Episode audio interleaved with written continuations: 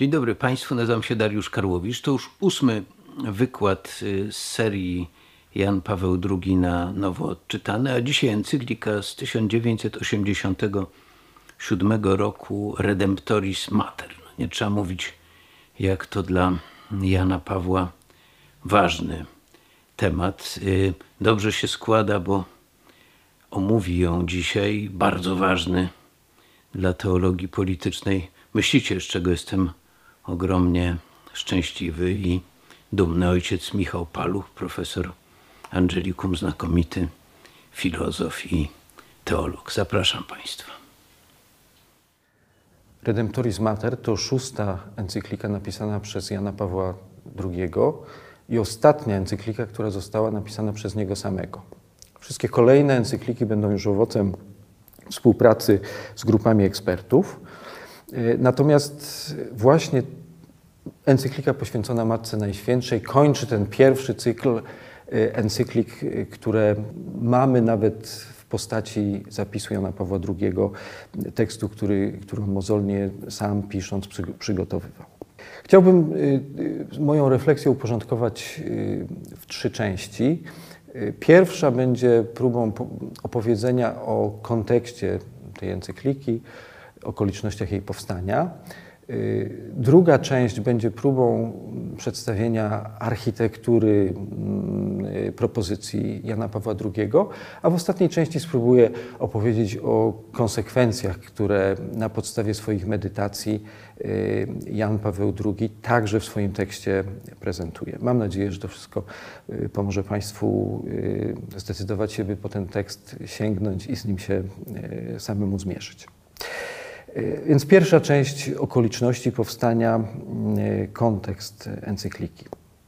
Y, jak pewnie pamiętamy, pontyfikat Jana Pawła II zaczął się od Redemptor Hominis, encykliki, w której Jan Paweł II przedstawił wielki plan dla swojego pontyfikatu. W centrum tego planu było wprowadzenie Kościoła w trzecie tysiąclecie, przygotowanie do wielkiego jubileuszu chrześcijaństwa. No i to jest pierwsza okoliczność też, y, najważniejsza pewnie, y, związana z powstaniem encykliki. Jan Paweł II chce, by wielki jubileusz chrześcijaństwa został poprzedzony, podobnie jak Boże Narodzenie jest poprzedzone Adwentem, tym okresem poświęconym Matce Najświętszej. Chcę, żeby wielki jubileusz został poprzedzony jako swoim takim pierwszym akcentem rokiem maryjnym, który ogłosi właśnie w tym dokumencie wydanym w 1987 roku w, y, uroczystość zwiastowania, zapowiadający, że w zesłanie Ducha Świętego rozpocznie się rok maryjny, który potrwa do y, w niebo wzięcia 1988 roku. Y, druga okoliczność y, to jest 1200 rocznica Soboru Nicejskiego II. Bardzo ważne, żebyśmy o, niej, o, tej, o tej okoliczności też pamiętali, bo przypomina nam o tym, w jaki sposób Kościół myśli o swojej historii i w jaki sposób podchodzi do ważnych wątków, y, nad którymi pracuje. Y, sobór Nicejski II y, to pewnie sobór, o którym wielu z nas niewiele pamięta, a wydarzenie to oczywiście 787 rok, mogliśmy sobie tutaj sami to szybko policzyć, y, było związane przede wszystkim z zamknięciem sporu o ikonoklazm, czy przynajmniej no, ukierunkowanie tego sporu w taki sposób, by można było pójść dalej. Spór o ikonoklazm dotyczył y, możliwości kultu ikon, przedstawień y, Boga. Jeśli Bóg jest nieskończony, no to czy jest rzeczą właściwą, i godziwą e, e, czczenie jakichkolwiek podobizm. Sobór skonkluduje ten spór, rozumując mniej więcej według takiej linii, takiego, takiego podejścia. No, Bóg jest oczywiście nieskończony i nie da się go w żaden skończony sposób przedstawić, to jest jasne, ale sam dał nam obraz. Posłał do nas swojego Syna. Skoro posłał do nas swojego Syna i sam siebie niejako przedstawił w Jezusie Chrystusie, podarował nam e, swój wizerunek w Jezusie Chrystusie, to my powinniśmy kontemplując tę podobiznę zbliżać się też do Boga. E, oczywiście, jak rozumiemy, taka konkluzja dotycząca Chrystusa ma też swoje e, konsekwencje dla Matki Najświętszej. I możliwości przedstawiania i czczenia obrazów Matki Najświętszej. Y, Trzecia okoliczność, o której y, papież w swojej encyklice też y, pisze, to tysiąclecie chrztu Włodzimierza, wielkiego księcia kijowskiego, a co za tym idzie tysiąclecie chrztu Rusi. Jak pamiętamy, 988 rok był tą datą graniczną dla wszystkich tych ludów na wschód od Polski. Wrócę do tego na samym końcu naszego wykładu. Tyle te okoliczności, o których mm, papież sam wspomina w swojej encyklice, natomiast pamiętajmy oczywiście o jego bardziej takim osobistym tle, który też musimy mieć w pamięci, jeśli chcemy ten tekst właściwie ocenić. Jak pamiętamy, papież konkludował wszystkie swoje dokumenty, idąc zresztą za swoimi poprzednikami i zresztą jego następcy będą robić podobnie, zwracając się do Matki Najświętszej. Więc Matka Najświętsza zawsze, zawsze w jego y, osobistym podejściu y, y, miała swoje miejsce szczególne.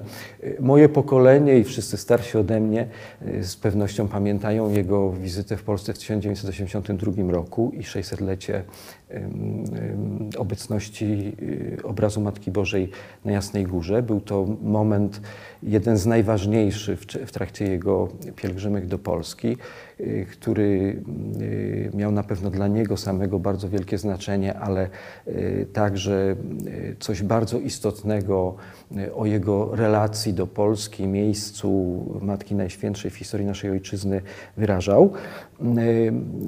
Warto pamiętać, że ta wizyta odbyła się tuż po wizycie w Fatimie, kilka miesięcy wcześniej, y, w czasie której y, poświęcił świat i Rosję niepokalanemu sercu Maryi, a która to wizyta odbyła się rok po zamachu, który odbył się na placu Świętego Piotra 13 maja 1981 roku, czyli jak pamiętamy w święto Matki Boskiej Fatimskiej właśnie. No i warto y, pamiętać, y, już to ostatnia okoliczność, o której chciałbym wspomnieć, y, związana z samym Janem Pawłem II, warto pamiętać o, o jego zawołaniu totus tuus. To przecież początek mm, modlitwy Ludwika Marii Grignon de Montfort, wzięty z traktatu o prawdziwym nabożeństwie do Najświętszej Marii Panny. Cała, całość tej modlitwy jest następująca. Myślę, że warto, warto ją przypomnieć. Totus tuus znaczy oczywiście cały Twój. A cała modlitwa jest taka: Jestem cały Twój i wszystko, co moje, do Ciebie należy. Przyjmuję Ciebie całym sobą. Daj mi swoje serce, Maryjo. Y, przy tej okazji warto też przypomnieć, y, kim był Ludwik Maria y, Grignon de Montfort, bo myślę, że często zapominamy o wadze tej postaci dla, dla, dla, dla Jana Pawła II. Y, tak się składa, że jego kanonizacja miała miejsce 20 listopada 1947 roku, czyli w czasie pobytu Jana Pawła II, y, czyli Karola Wojtyły, Wojtyły wtedy, y, w Rzymie i jego studiów na Angelikum. Ludwik Maria był tercjarzem dominikańskim. Możemy sobie w związku z tym wyobrazić, że to dla dominikanów tutaj na Angelikum było wydarzenie niezwykle ważne, które y, Wojtyła musiał też być wciągnięty i być może właśnie to wydarzenie jakoś y, pomogło mu odkryć Ludwika Marię. W każdym razie zdecyduje się na to zawołanie y, totus tus już jako biskup krakowski wcześniej. A sam Ludwik Maria to y, postać pod tym względem ciekawa, że to nie tylko wielki czciciel Matki Najświętszej, ale też ktoś troszczący się przez całe swoje życie o ubogich, zakładający zgromadzenia y, zakonne, zakładający szpitale. Ktoś, kto w zasadzie wypali siebie do końca w wieku 43 lat jako misjonarz chodzący po Francji i próbujący, szczególnie na północy Francji, ją ewangelizować. Więc to totus tus to z jednej strony y, jest nawiązanie do y, y, modlitwy Ludwika Marii, ale także myślę też jakoś nawiązanie do tego jego wielkodusznego życia, które wiązało się z tym nieszczędzeniem siebie. Zanim przejdę do treści encykliki, proszę mi jeszcze słowo pozwolić powiedzieć na temat samej refleksji dotyczącej Maryi, bo to przypadek bardzo, bardzo interesujący. Z jednej strony refleksja dotycząca Maryi, mariologia, prowadzi nas w serce chrześcijańskiego kultu, bo niewiele jest tematów, które w takim stopniu poruszają pobożność. Z drugiej strony, wiedzą o tym dobrze teologowie, mariologia to jest w pewnym sensie papierek lakmusowy ortodoksyjnej teologii. Można by nawet wręcz było powiedzieć: pokaż mi Twoją mariologię, powiem Ci teologicznie, kim jesteś. Prawda? Nam się wydaje, że to trinitologia, refleksja dotycząca Trójcy Świętej, Chrystologia. To są te główne dziedziny, na których koncentruje się e, refleksja chrześcijańska i w jakiejś mierze tak jest, ale wszystkie konsekwencje tych refleksji dotyczących Chrystusa, dotyczących Trójcy, ostatecznie e, w Mariologii znajdują swoje, swój, swój taki najbardziej wyrazisty wyraz. I w związku z tym chciałbym, by nas wprowadzić do, do, do spotkania z myślą Jana Pawła, przypomnieć o dwóch wielkich sporach. Teologia bardzo często rodzi się w dyskusjach, rodzi się w sporach i wtedy, gdy po jakiejś dyskusji pewne rzeczy zostają skonkludowane, może pójść dalej i pogłębić e, swoją refleksję. Więc takie dwie, dwa wielkie spory e, miały miejsce w historii refleksji dotyczącej e, Matki Najświętszej. Pierwszy z nich wiązał się z pierwszym tysiącleciem, drugi wiązał się z drugim tysiącleciem. Jeśli chodzi o, to, o pierwsze tysiąclecie, ten wielki spór dotyczył tytułu Teotokos i miał miejsce w V wieku. Czy można o Maryi powiedzieć Teotokos, czyli powiedzieć Bogu Rodzica, Matka Boga? Czy nie powinniśmy być tutaj ostrożniejsi i powiedzieć o Maryi Matka Chrystusa, ale nie Matka Boga?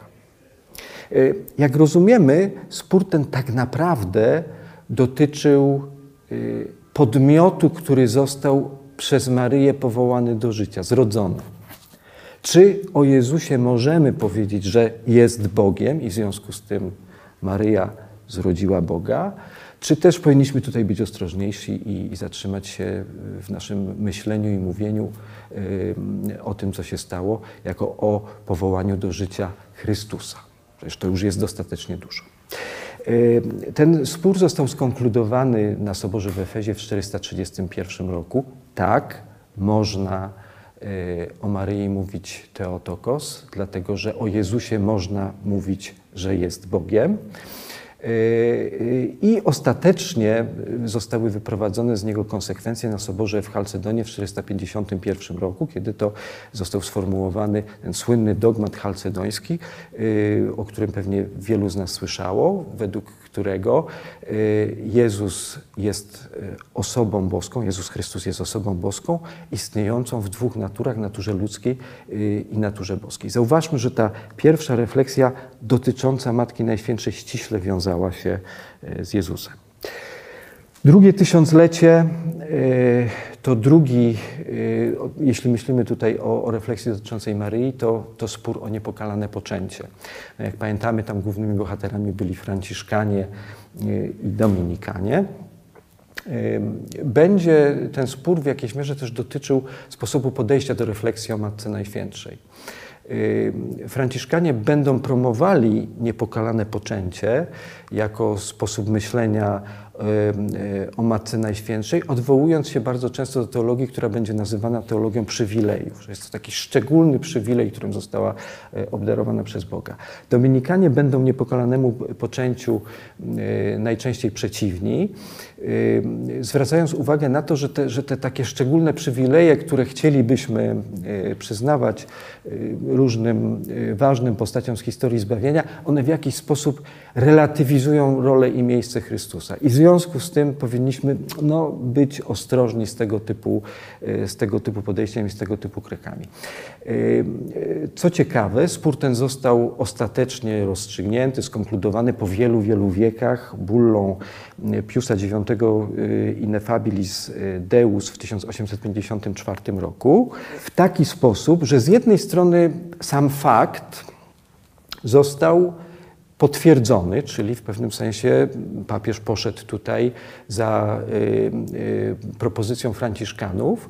Z drugiej strony został on w taki sposób uzasadniony, by otworzyć się, wziąć pod uwagę na tyle, na ile tylko się dało, wszystkie obiekcje y, podnoszone przez Dominikanów. W związku z tym y, mowa y, była i jest o niepokalanym poczęciu, o niepokalanym poczęciu jako o fakcie, który miał miejsce ze względu na przewidziane, przyszłe zasługi Jezusa Chrystusa.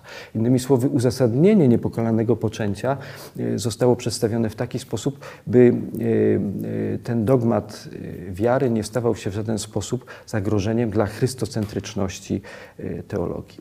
Jak widzimy dotąd, te spory z dwóch tysiącleci, najważniejsze spory, one wiązały się y, z usytuowaniem Maryi wobec, wobec Jezusa Chrystusa. Prawda? W, jaki sposób, y, w jaki sposób odnieść matkę do syna i w jaki sposób to właściwie wyartykułować.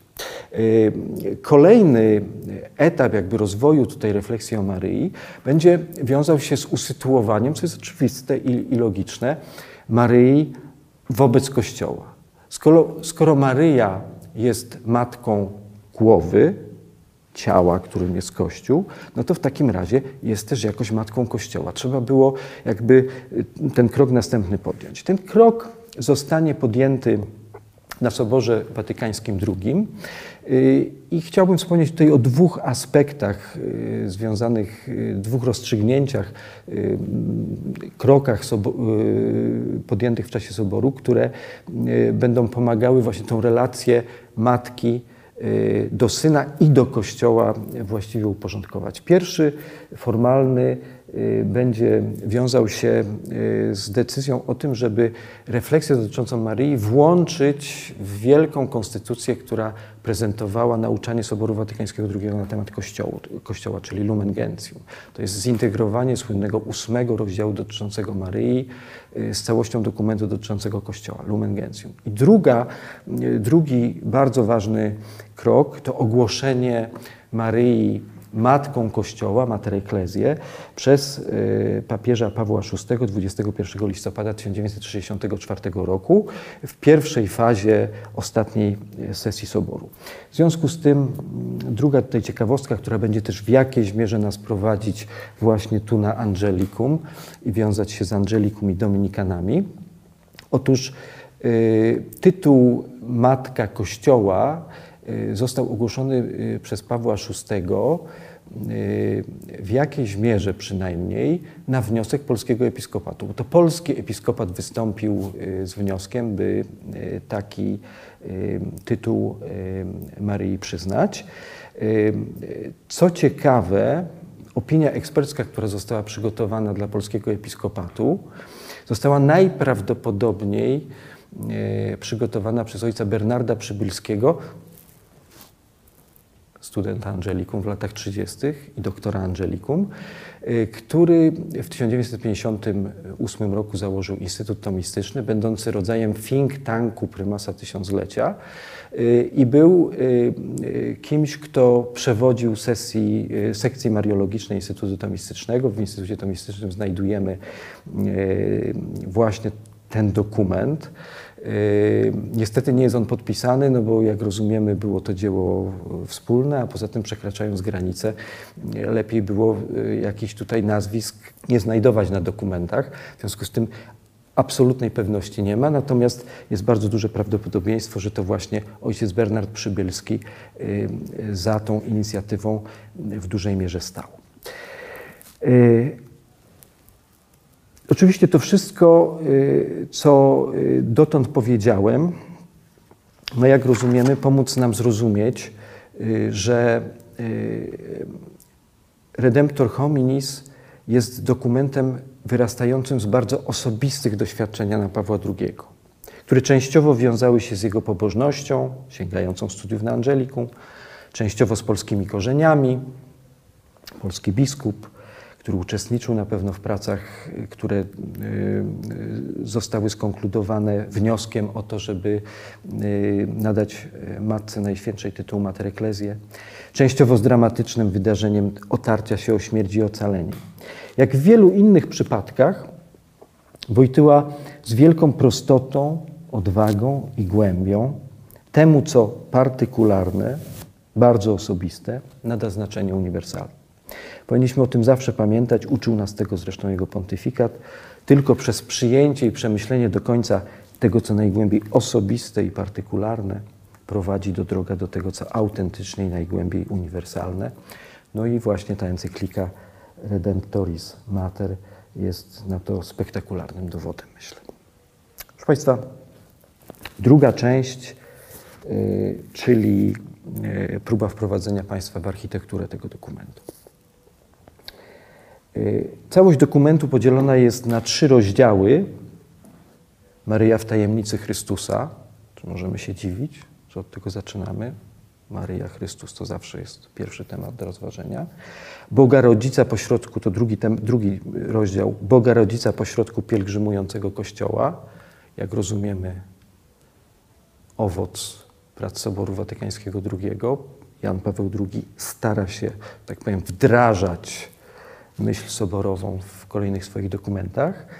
I trzeci rozdział pośrednictwo macierzyńskie, czym za chwilę zrozumiemy, jak to jest kluczowe i ważne dla refleksji maryjnej.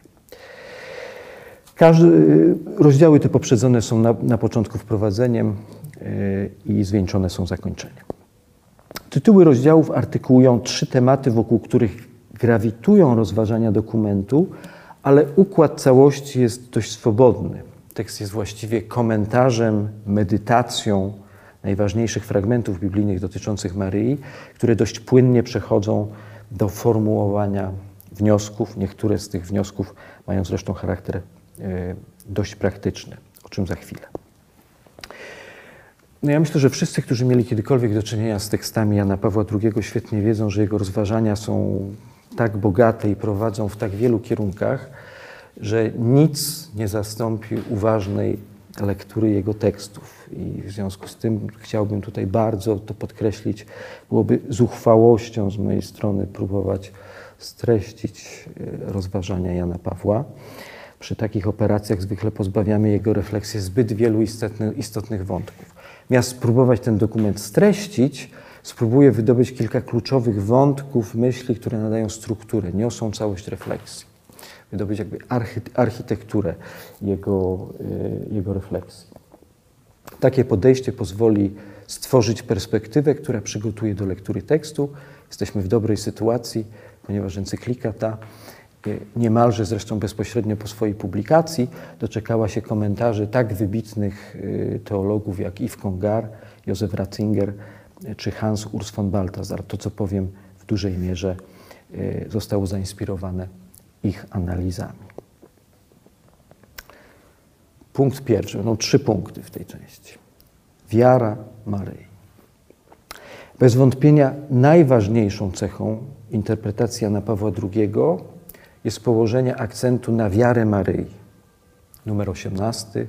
W owym wyrażeniu błogosławiona, któraś uwierzyła, możemy upatrywać jakby klucz, który otwiera nam wewnętrzną prawdę Maryi. Hans Urs von Balthasar pisze wręcz w swoim komentarzu, że chyba żadna mariologia do encykliki Jana Pawła II nie podkreśliła wiary Maryja, Maryi z taką wyrazistością. Maryja zostaje zestawiona z Abrahamem i staje się niedościgłym wzorem dla pielgrzymki wiary całego ludu Bożego, pielgrzymki wiary Kościoła czym jest wiara. Jan Paweł II tak o niej pisze. Uwierzyć to znaczy powierzyć siebie samej istotnej prawdzie słów Boga żywego. Znając i uznając z pokorą, jak niezbadane są Jego wyroki i niezgłębione Jego drogi. List do Rzymian 11:33. To fragment 14 punktu. Uwierzyć to znaczy powierzyć siebie samej istotnej prawdzie słów Boga żywego.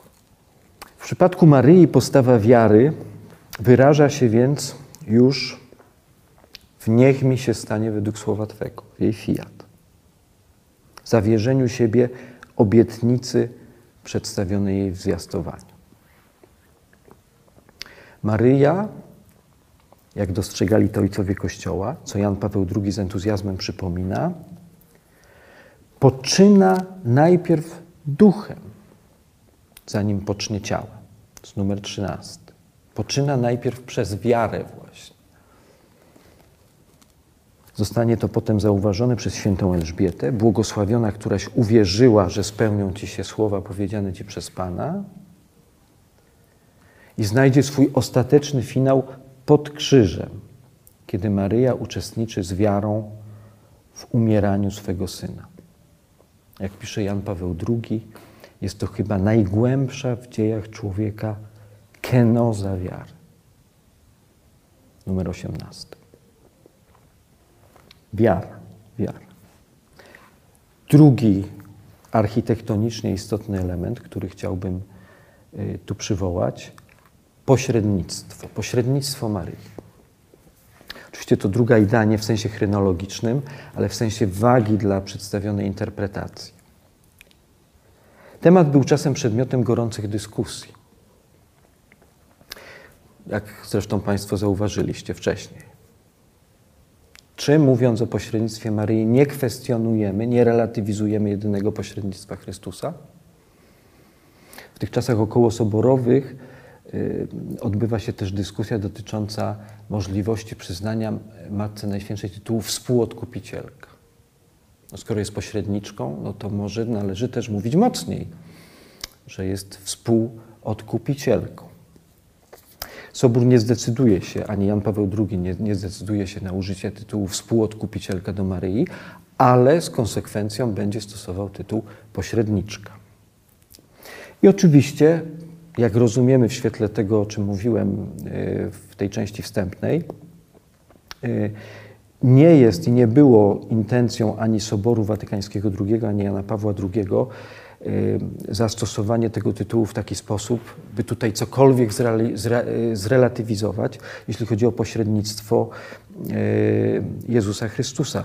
Musimy dobrze tutaj zrozumieć sposób myślenia Kościoła.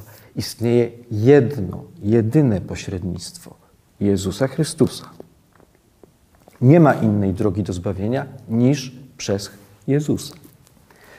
Pośrednictwo to jednak nie jest ekskluzywne, ale jest inkluzywne. To jest zasadnicza tutaj sprawa. Innymi słowy, pośrednictwo Chrystusa nie wyklucza istnienia pośrednictwa innych ludzi, odpowiedzialności innych ludzi na naszej drodze do Boga, którzy w jedności z Chrystusem i zawsze dzięki Jego zbawczej mocy mogą być na rozmaite sposoby dla nas pośrednikami w drodze do Boga. Jeśli o tym pamiętamy, rozumiemy, że pośrednictwo Maryi nie jest w żadnym stopniu zagrożeniem dla pośrednictwa Chrystusa, jest raczej znakiem mocy tego pośrednictwa. Czy też, jak będzie pisała o tym Konstytucja Lumen Gentium w numerze 60, wyrazem nadmiaru zasług Chrystusowych. Możemy też zrobić jeden krok dalej, no bo to rozumiemy, że pośrednictwo Maryi zawsze będzie miało w sobie jakiś, coś, coś w sobie szczególnego. Ona jedyna jest matką Jezusa, ma ten szczególny stosunek do Niego, jakiego nikt z ludzi nigdy mieć nie, nie będzie i nigdy nie miał. Czyli ma tą barwę szczególną. To, ta barwa szczególna pośrednictwa Maryi to pośrednictwo macierzyńskie, pośrednictwo jako matki. I tu dochodzę do bardzo interesującego fragmentu rozważań Jana Pawła II, na który zwraca uwagę Józef Ratzinger. Otóż, jak już mówiłem wcześniej, Maryja, będąc matką Jezusa, głowy Kościoła, może być przez to uznana także za matkę ciała, czyli wszystkich pozostałych członków Kościoła. Jej obecność zarówno przy wcieleniu Jezusa, jak i w Dniu Pięćdziesiątnicy, jako jedynej osoby będącej przy obu tych wydarzeniach, numerze 24 przypomina nam o tym papież, dosadnie na to już wskazuje. Teksty o, o weselu w Kanie Galilejskim, u początku działalności Jezusa i przede wszystkim słowa wypowiedziane e, na krzyżu do Maryi i umiłowanego ucznia, oto syn Twój, oto matka Twoja, notabene wspaniale analizowane w encyklice, potwierdzają taki sposób myślenia. Jan Paweł II chce nam jednak odsłonić dodatkowy aspekt macierzyństwa Maryi. Jak zwraca na to uwagę dawny prefekt Kongregacji Doktryny Wiary, Jan Paweł II nie unika w swoich rozważaniach o macierzyństwie Maryi tekstów, które czasami traktowane są jako antymaryjne. Więcej, zaczyna od nich swoje rozważania o macierzyństwie. Chodzi innymi o dwa fragmenty, które znajdujemy w Ewangelii Świętego Łukasza w rozdziale 11 i w rozdziale 8. Według pierwszego z nich jakaś kobieta z tłumu głośno woła, zwracając się do Jezusa, błogosławione łono, które cię nosiło i piersi, które ssałeś. A Jezus odpowiada na to, owszem, ale przecież błogosławieni ci, którzy słuchają Słowa Bożego i zachowują je. Z 11:28. Według drugiego tekstu Jezus otrzymuje wiadomość, że jego matka i bracia stoją na dworze i chcą się z nim zobaczyć i reaguje na to, moją matką i moimi braćmi są ci, którzy słuchają Słowa Bożego i wypełniają je. Co więcej, według Ewangelii Świętego Marka mówi to spoglądając na siedzących dokoła niego, a według Świętego Mateusza wyciągnąwszy rękę ku swoim uczniom. Wypowiedzi te stają się okazją dla Jana Pawła II, by pomóc nam głębiej popatrzeć na macierzyństwo Maryi. Tak się do tych słów, tak się do tych tekstów Ewangelii odnosi. To jest numer 20. Czy przez to odsuwa się od tej, która była jego rodzicielką, jego rodzoną matką? Czy pragnie pozostawić ją w cieniu ukrycia, które sama wybrała? Jeśli tak mogłoby się wydawać na podstawie brzmienia samych słów, to równocześnie należy stwierdzić, że to inne i nowe macierzyństwo, o jakim mówi Jezus swoim uczniom, w sposób najszczególniejszy odnosi się właśnie do niej. Czyż Maryja nie jest pierwszą pośród tych, którzy słuchają Słowa Bożego i wypełniają je? Czyż nie do niej odnosi się nade wszystko owo błogosławieństwo, jakie wypowiedział Jezus, odpowiadając na słowa nieznanej kobiety? Niewątpliwie Maryja jest godna błogosławieństwa, dlatego że stała się dla swego syna matką wedle ciała, błogosławione łono, które cię nosiło i piersi, które ssałeś, ale również i nade wszystko. I nade wszystko. Dlatego, że już przy zwiastowaniu przyjęła Słowo Boże, że Słowu temu uwierzyła, że była Bogu posłuszna, ponieważ Słowo to zachowywała i rozważała w sercu i całym swoim życiem wypełniała. Widzimy więc, że papieżowi bardzo zależy, byśmy poza aspektem, na który naprowadza nas to, co wynika z biologicznego związku z synem, a co oczywiście jest niekwestionowalne, matka głowy jest też matką całego ciała, dostrzegli także duchowy sposób realizacji macierzyństwa Maryi w Kościele. Rodzenie, dawanie życia ma swój szczególny wyraz w dziedzinie przekazywania wiary i otwierania na zdolność do zawierzenia. Prowadzi mnie to do ostatniego aspektu strukturalnego, który chciałbym wskazać. Ale rozumiemy, wiara Maryi, dalej pośrednictwo Maryi, które nie jest ekskluzywnym pośrednictwem, jest inkluzywnym pośrednictwem, które ma charakter macierzyński, ale sens tego macierzyństwa jest przede wszystkim duchowy. Pomaga nam w rodzeniu wiary, postawy zawierzenia.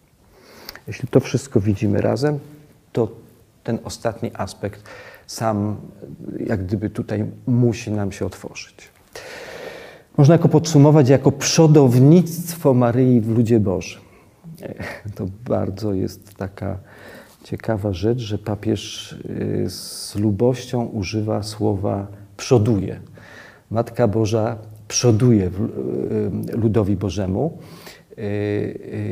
I rozumiemy, że to dla pokolenia mojego i tych, którzy są ode mnie trochę starsi, to to przodownictwo wydaje się trochę skompromitowane przez nadużycia naszych zachustujących się komunizmem władz przed 1989 roku, y, które lubiły mówić o przodownikach, przodownikach pracy, prawda?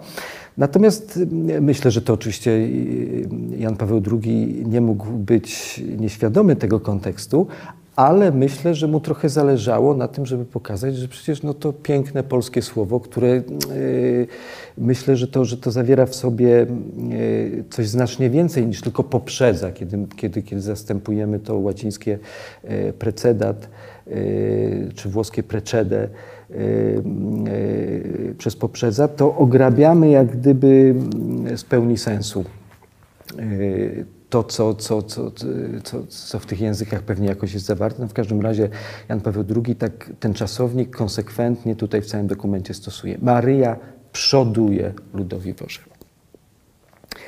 Życie wiary Maryi od zwiastowania po krzyż, jak rozumiemy, chronologicznie poprzedza założenie Kościoła dokonujące się przez całe życie Jezusa od Jego wcielenia, ale mające swój finał w Jego pasrze i zesłaniu Ducha Świętego. Musimy dobrze uchwycić ten moment. Znaczy, oczywiście różne yy, są próby interpretowania teologicznie momentu założenia Kościoła, ale jedna z nich bardzo działa na wyobraźnię, którą bardzo lubię, mówi o tym, że można pomyśleć o założeniu Kościoła jak, jak zrodzeniu jakiejś nowej osoby, prawda? I jeśli w taki sposób o tym myślimy, no to jest okres prenatalny, który jest zintensyfikowany, jeśli tak można powiedzieć, od momentu wcielenia, czyli przyjścia na świat Syna Bożego. Jest moment narodzenia Kościoła, którą jest Paska Chrystusa, śmierć i zmartwychwstanie Chrystusa, to jest ten moment narodzenia wspólnoty Kościoła. I potem moment pięćdziesiątnicy, czyli ogłoszenia właśnie tego nowego bytu Kościoła światu. Więc jeśli to mamy w pamięci i rozumiemy, że ten moment przyjścia na świat w widzialnej postaci, to jest, to jest ten moment paschy y, Kościoła.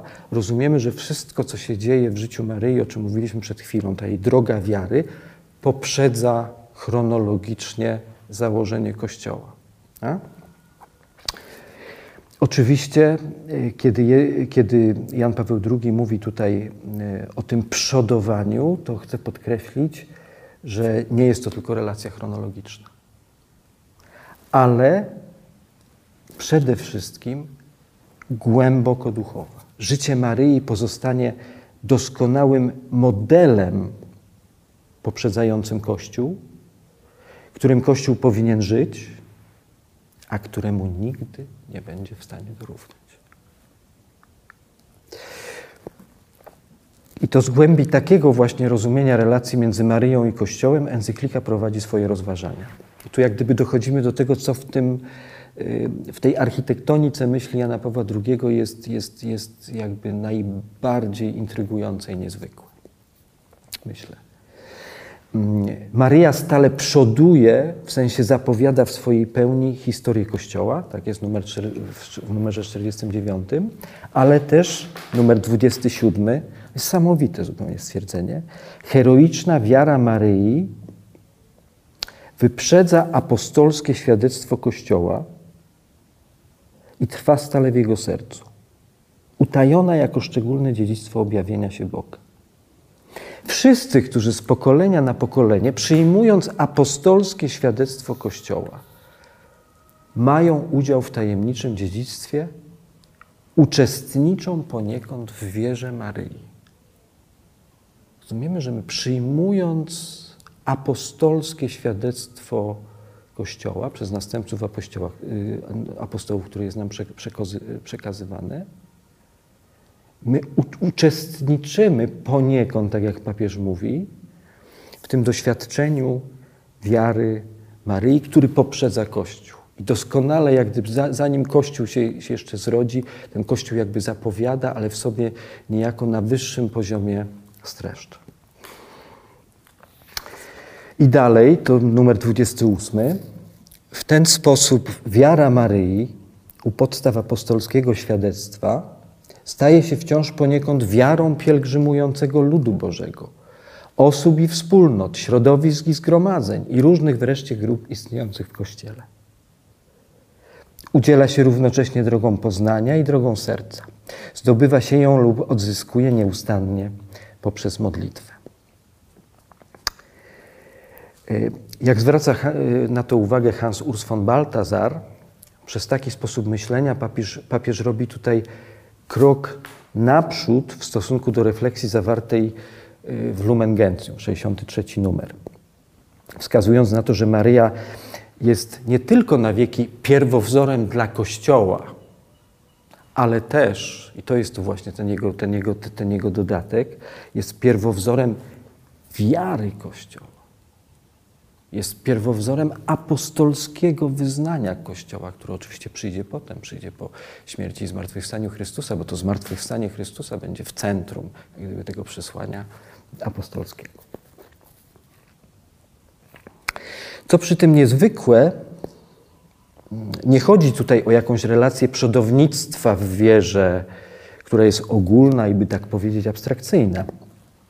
Macierzyńskie pośrednictwo, które w sposób szczególny realizuje się w rodzeniu nas, y, w nas wiary, dzięki naszemu odniesieniu do Maryi, jest głęboko spersonalizowane. Jest czymś głęboko intymnym, niepowtarzalnym wiąże się z zaproszeniem do bardzo osobistej, intymnej relacji z Matką Jezusa. Proszę posłuchać, jest jeden z najpiękniejszych moim zdaniem fragmentów encykliki, 45 numer. Należy do istoty macierzyństwa, że odnosi się ona do osoby. Stanowi o nim ów zawsze jedyny i niepowtarzalny związek osób, matki z dzieckiem oraz dziecka z matką. Również kiedy ta sama niewiasta jest matką wielu dzieci. Jej osobisty stosunek do każdego z nich charakteryzuje macierzyństwo w samej jego istocie. Każde bowiem z dzieci jest zrodzone w sposób jedyny i niepowtarzalny, zarówno dla matki, jak i dla dziecka. Każde też w sposób jedyny i niepowtarzalny jest ogarnięte ową macierzyńską miłością, na jakiej opiera się jego wychowanie i dojrzewanie w człowieczeństwie. Można powiedzieć, iż macierzyństwo w porządku łaski zachowuje analogię tego, co w porządku natury. Charakteryzuje związek matki z dzieckiem.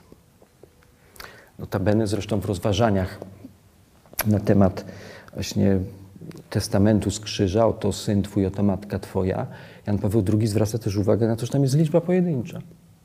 Liczba pojedyncza. Jak gdyby po to, żebyśmy, żebyśmy zrozumieli, że to macierzyństwo Maryi w stosunku do członków Kościoła, ono jest takie głęboko intymne i spersonalizowane. Proszę Państwa, tyle w tej drugiej części. Mam nadzieję, że to daje nam pewne pojęcie o tym, jaka jest architektonika, e, by tak powiedzieć, e, refleksji Jana Pawła II. I proszę mi teraz pozwolić, żeby powiedzieć o kilku bardziej praktycznych wątkach, które właśnie z tak zarysowanej refleksji dotyczącej Matki Najświętszej wypływają. Chciałbym o czterech tutaj takich y,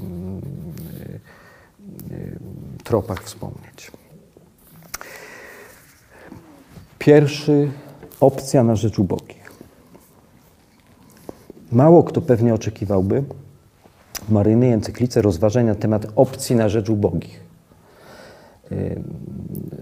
A więc jakiejś refleksji na temat teologii wyzwolenia. Powstanie encykliki było jednak poprzedzone publikacją rok wcześniej instrukcji o chrześcijańskiej wolności i wyzwoleniu przez Kongregację Nauki Wiary, cytowanej w dokumencie, a przede wszystkim Jan Paweł II w swoich rozważaniach chciał uwzględnić magnifikat. Magnifikat, w którym mowa jest o strąceniu władców stronu, wywyższeniu pokornych. Są wszystko wątki, które teologia wyzwolenia yy, yy, eksploatowała w tym czasie.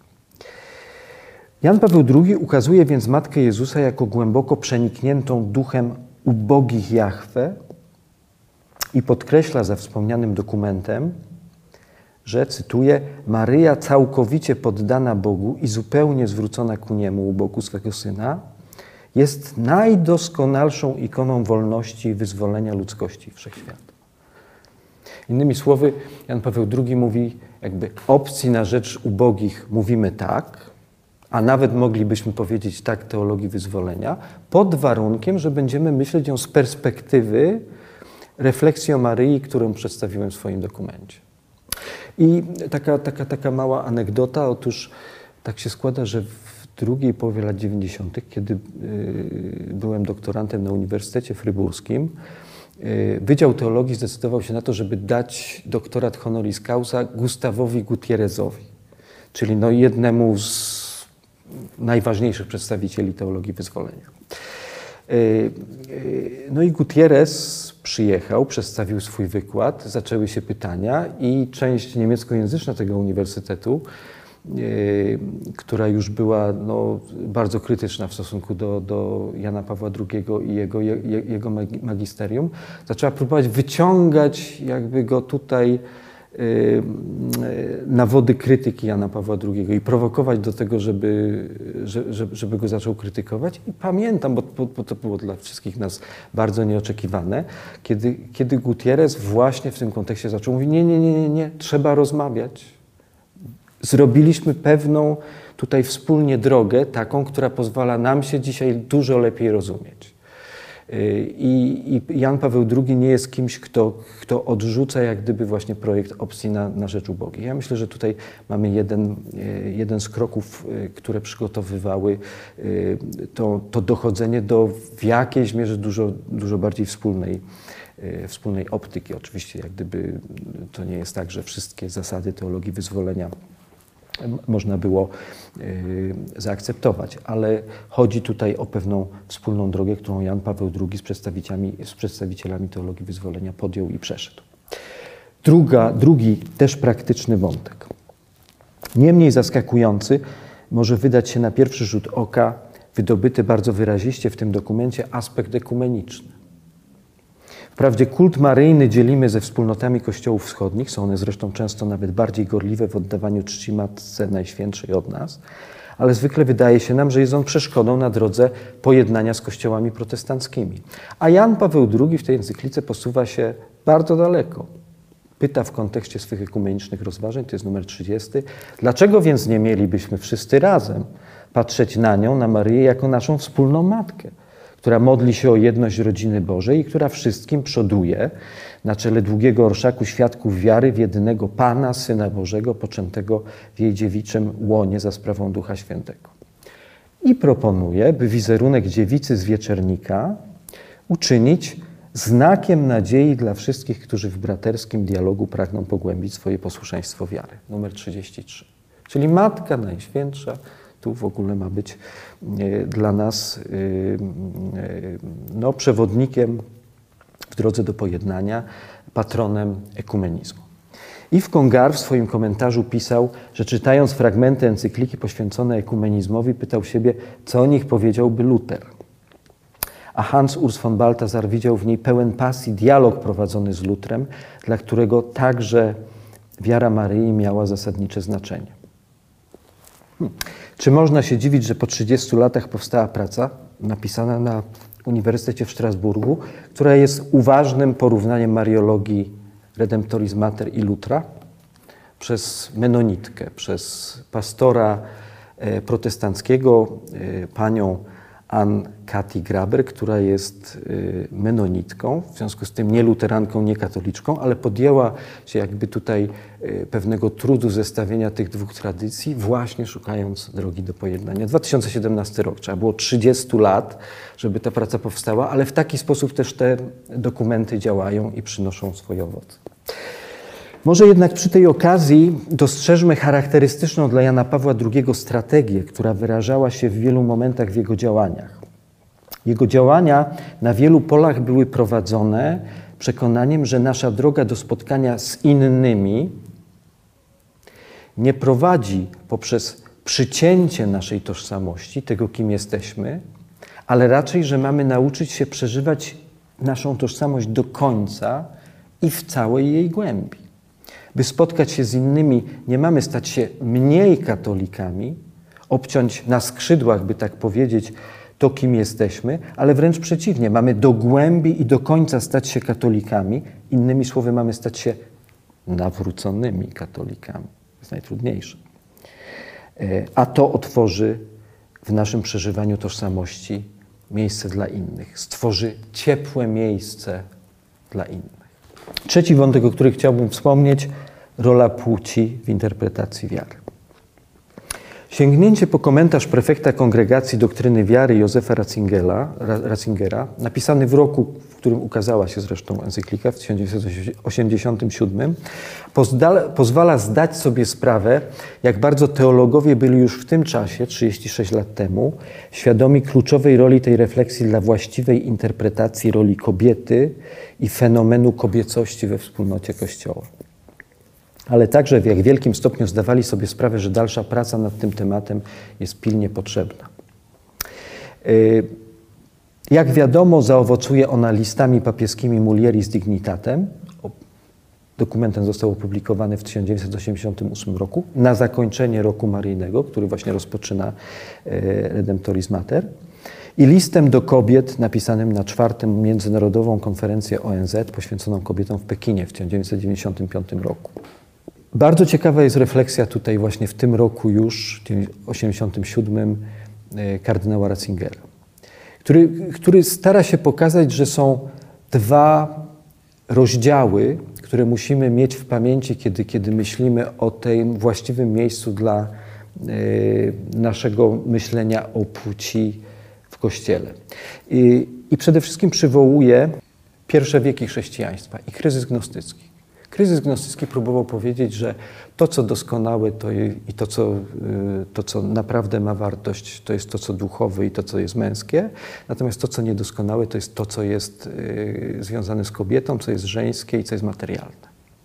I to zostanie odrzucone przez Kościół, zostanie odrzucone nawet, jak y, kardynał Ratzinger próbuje pokazać, avant la lettre, by tak powiedzieć, w Apokalipsie, gdzie z jednej strony mowa jest o wielkiej nierządnicy, zauważmy, z drugiej strony jest mowa o niewieście obleczonej w słońce, w słońce, a całość stworzonego porządku wydaje się osiągać swoją ostateczną pełnię, swoją doskonałość w postaci oblubienicy baranka. Więc doskonałość, począwszy od apokalipsy, od tego rozważania apokalipsy, będzie miała dla chrześcijan, powinna mieć dla chrześcijan doskonałość, e, doskonałość Marysy kobiece.